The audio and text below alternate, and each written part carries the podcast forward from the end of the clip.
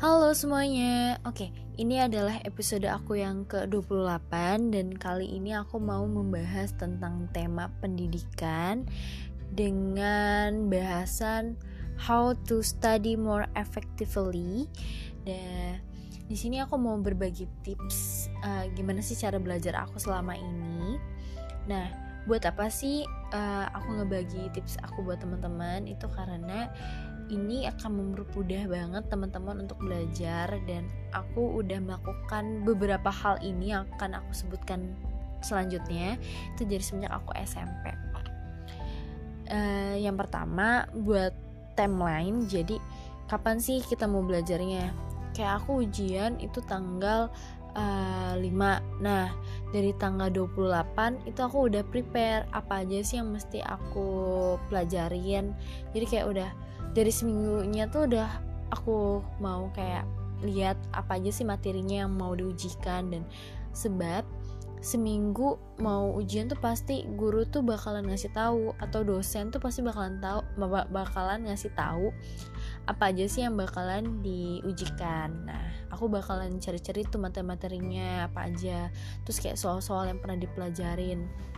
Terutama pada saat kuliah pun dosen itu nggak bakal ngasih soal yang jauh-jauh dari yang mereka bahas atau yang mereka omongin di kelas bahkan yang mereka bikin di kuis. Itu nggak akan jauh-jauh dan Tata benar. Apa yang mereka omongin itu keluar. Apa yang mereka bahas apa yang mereka kasih lewat kuis itu keluar. Begitu juga dengan pas lagi aku sekolah. Makanya aku kayak udah ngebuat kapan sih aku mesti belajar? Nah aku ngebuat belajar itu bikin waktunya itu seminggu sebelum uh, ujian. Jadi biar nggak terburu-buru juga. Terus yang kedua kita harus tahu cara kerja otak kita. Kayak uh, medianya tuh apa? Kayak uh, kita lebih menonjol di mata berarti kita lebih suka membaca menghafal atau nonton. Nah jadi kayak uh, makanya kalau buat teman-teman yang emang uh, lebih menonjol untuk menangkap materi itu lewat mata nah kalian berarti uh, bisa ikut bimbingan belajar online. Nah aku juga pernah ikut dan cukup membantu juga terus membaca nah karena aku suka membaca jadinya aku lebih suka uh, kinerja mataku untuk menangkap suatu materi.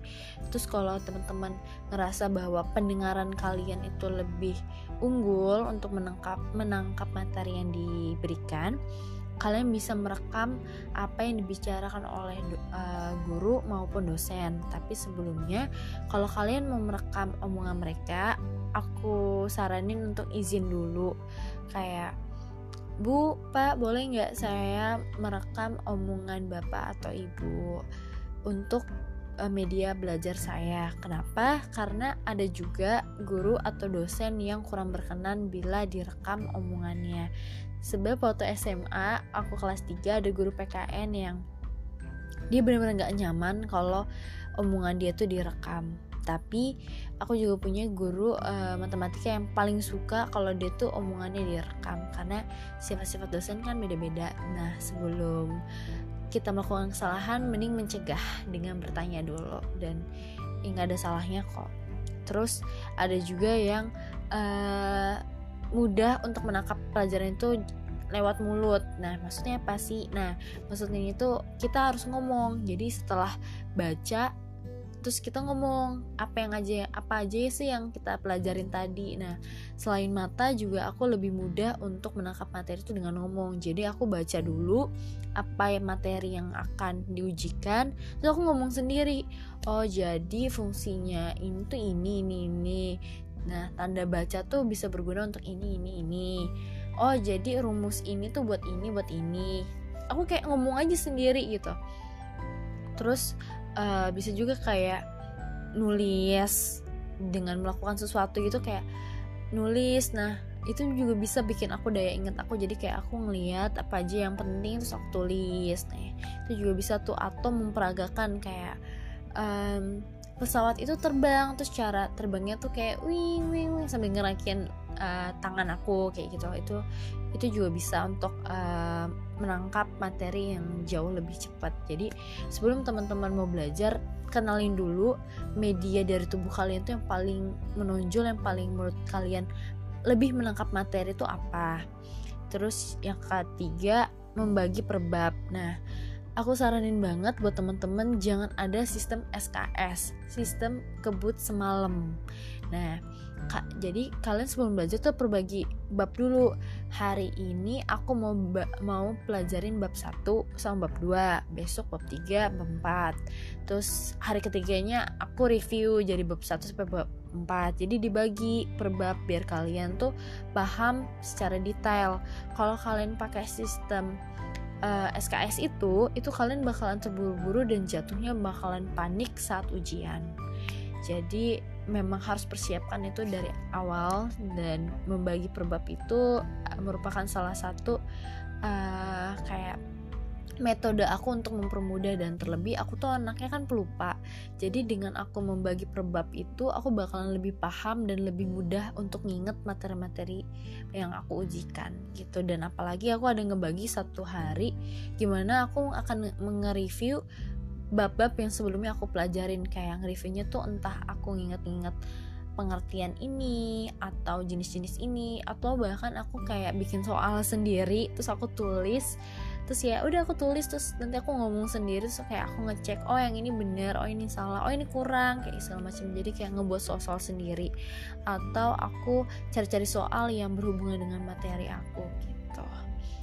Terus uh, yang keempat aku tandai kalimat yang penting. Jadi aku kayak nge-highlight gitu kata-kata atau kalimat yang menurut aku paling penting di buku.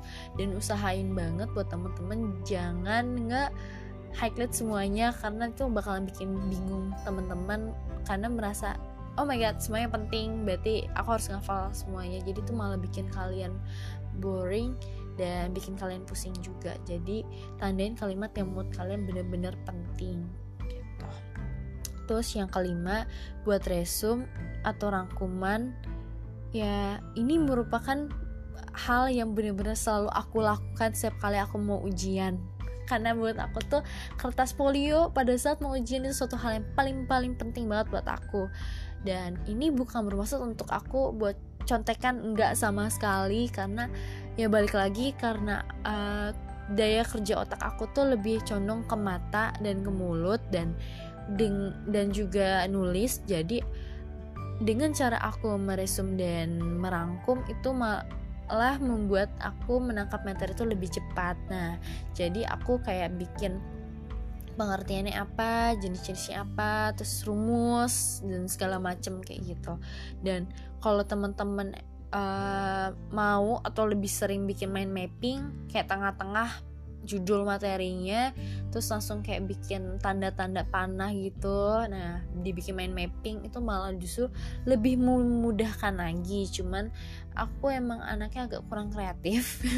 Jadi aku cuma bikin kelas polio terus kayak tulis biasa aja pengertian apa yang mau aku inti terus di bawahnya apa. Dan uh, biar nggak boring aku bikin tulisan tuh pakai pulpen warna-warni atau pakai spidol warna-warni biar lebih uh, berwarna dan lebih mempermudahkan aku untuk mencari kata-kata yang penting. Kayak uh, kalau kata-kata bahasannya tentang A aku warnanya pink. Kalau bahasan tentang B aku warnanya biru kayak gitu. Jadi ya untuk meramaikan kertas dan mempermudah mata aku untuk mengingat. Nah itu bisa juga tuh buat referensi teman-teman. Kalau mau nulis bisa pakai spidol warna atau pulpen gitu. Terus uh, yang keenam aku biasanya suka kayak ngajak temen ya kayak belajar bareng yuk. Cuman aku lebih prefer untuk 4 sampai 5 orang aja. Karena kalau lebih daripada itu bakalan bikin kepala pusing dan malah jatuhnya nggak masuk otak karena udah terlalu banyak omongan sana sini sana sini gitu. Jadi aku lebih menyarankan untuk kalau bikin kelompok belajar 4 sampai 5 orang aja. Dan sebelum aku mau kerja kelompok aku di rumah atau di kosan itu udah kayak pelajarin uh, oh materi utamanya tuh ini bahasannya tuh ini itu ini itu. Karena aku nggak mau pada saat uh, belajar kelompok aku bener-bener ngeblank bener-bener gak ada gak ada kayak isi otaknya tuh bener nggak ada gitu bener-bener nggak tahu apa-apa. Jadi kalau pas lagi belajar aku cuman kayak cengak cengok nggak tahu apa apa terus dengerin orang ngomong haha oh iya oh iya. nah aku nggak mau kayak gitu. Jadi pas lagi saat belajar aku kayak oh jadi mood kalau yang aku baca bahasannya tuh gini gini gini. Nah itu justru malah bikin teman-teman kalian kayak oh iya terus terus nah jadi kayak ada topik pembahasan dan makan malahan materi itu akan selanjut melanjut melanjut dan malah jadi akhirnya materi yang kita akan bahas malah akan terkupas karena kita saling tahu materi apa sih yang mau kita bahas dan apa aja sih isinya kayak gitu. Dan yang terakhir teman-teman harus juga kenalin dosen atau guru yang mengujikan teman-teman kayak soalnya tuh dan kalian juga harus tahu yang koreksinya tuh siapa. Karena ada juga yang uh, dosen kalian terus yang bikin soalnya siapa ya terus akhirnya yang um, nilainya tuh dosen kalian gitu kan. Nah itu kalian harus tahu jenis uh, pemikiran dosen kalian. Kayak karena ada dosen yang suka uh, langsung to the point jawabannya A ya A jawaban B ya B gitu loh. Nggak suka pakai A B C D ujung-ujungnya baru ke A gitu. Jadi lebih suka yang to the point langsung pada intinya jelas padat dan singkat. Ada kayak dosen mikro aku kayak gitu. Dia pokoknya harus singkat padat dan jelas. Tapi ada juga yang dosen yang suka banget panjang kali lebar kali tinggi. Aduh itu ada juga dan uh, itu termasuk dosen bank sentral aku. Dia suka banget tuh yang panjang-panjang kan. Jadi kayak merasa bahwa mahasiswa tuh serba tahu kayak semua tuh dia tahu gitu, gitu. padahal kalau menurut aku terkadang kalau bikin nulis panjang-panjang tuh yang kita nggak tahu arah terus yang penting panjang aja dan itu malah buat aku nggak ada gunanya gitu loh. Tapi kalau emang jawabannya emang pakai uh, opening dulu baru akhirnya closing ya kalau emang tujuannya ada dan emang materinya sama itu nggak jadi masalah. Tapi kalau emang udah panjang-panjang terus tapi nggak tahu arah tujuan ya buat apa juga gitu. Tapi saran aku kenali dulu dosen maupun guru kalian dia sukanya jawabannya seperti apa karena itu sangat-sangat mempengaruhi nilai kalian. Sebab ada yang dosen yang sukanya to the point terus kalian jawabnya panjang dia kayak apaan sih? Terus jadi kayak cuman oh deh seadanya aja deh intinya juga nggak jelas. Ada yang kayak gitu dan ada juga yang kayak dosen atau guru bahkan waktu itu aku juga pernah guru PKN waktu waktu SMP dia sukanya tuh panjang dan aku jawabnya cuman kayak intinya doang. Terus dia kayak loh kok dikit banget sih? Ini kayak pengetahuannya kurang gitu segala macam terus dia ngasih nilai seadanya dan itu aku sangat menyesal. Dan pada saat ujian selanjutnya dengan guru yang sama aku nulis panjang ya kan pakai storynya. Aduh beuh. Dikasih nilai yang sangat bagus. Jadi itu akan mempengaruhi kalian juga.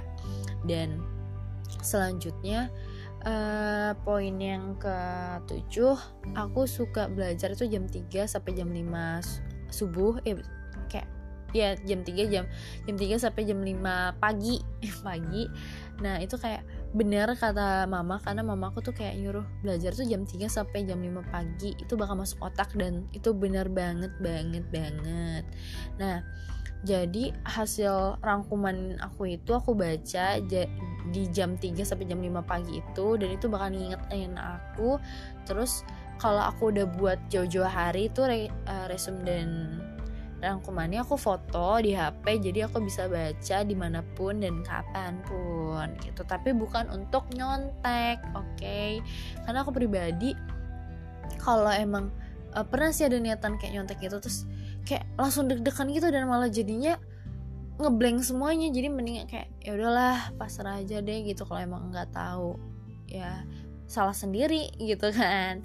Nah makanya harus di uh, dipersiapin dari jauh-jauh hari gitu. Tapi aku juga gak bisa menutup kemungkinan buat teman-teman yang merasa aku bisa kok belajar SKS karena sepupu aku sendiri pun dia pakai sistem seperti itu. Jadi dia sukanya belajarnya itu tengah malam sehari sebelum ujian dia belajar besoknya nilainya bagus banget gitu. Jadi ses, uh, cara belajar itu sesuaikan dengan otak kalian dan kalian harus percaya banget bahwa usaha itu tidak pernah mengkhianati hasil. Baik kalian yang udah prepare seminggu sebelum ujian maupun yang sehari sebelum ujian kalau kalian berusaha untuk mendapatkan nilai yang jauh lebih baik itu merupakan suatu hal yang bagus. Dan apa pun hasilnya, apa pun nilai yang kalian dapatkan itu adalah nilai kalian. Kalian harus hargai dan hal kalian juga harus bangga. Dan kalau kalian mendapatkan nilai yang jauh lebih tinggi daripada teman kalian, nggak perlu untuk pamer atau bilang kayak nilai gue sih ini ini enggak. Uh, cukup cukup kalau kalian emang mau nanya gitu kayak cukup oh nilai kamu berapa oh ya udah semangat ya yuk kita belajar bareng yuk kalau sekalipun nilai kamunya emang udah tinggi nggak ada salahnya kan untuk membagi ilmu karena pada saat kita meninggal pun ilmu yang bermanfaat itu nggak akan pernah terputus gitu. Dan uh, kalaupun kalian punya punya dapat nilai itu uh, kecil kalian nggak boleh kayak minder rendah hati terus malah kayak yes tim remet atau malah ngejek-ngejek atau bakalan ngejek-ngejek kayak udah yuk remet aja yuk. Udahlah kita memang remet remet enggak. Nah itu kalian harus bangkit dengan nilai itu sebenarnya bukan suatu hal yang kayak jadi cambuk kayak bukan jadi cambuk jadi kayak kunci utama kalian sukses enggak. Tapi itu sebagai kayak cambuk kalian bahwa kalian tuh harus mendapatkan nilai yang lebih baik dan harus semangat dalam belajar gitu. Jadi uh, cukup episode kali ini uh, tentang uh, gimana sih cara aku belajar selama ini. Dan semoga kalian um, suka dengan tips yang aku berikan. Semoga bermanfaat untuk kalian semua. Dan jangan lupa untuk dengerin episode aku yang selanjutnya. Dadah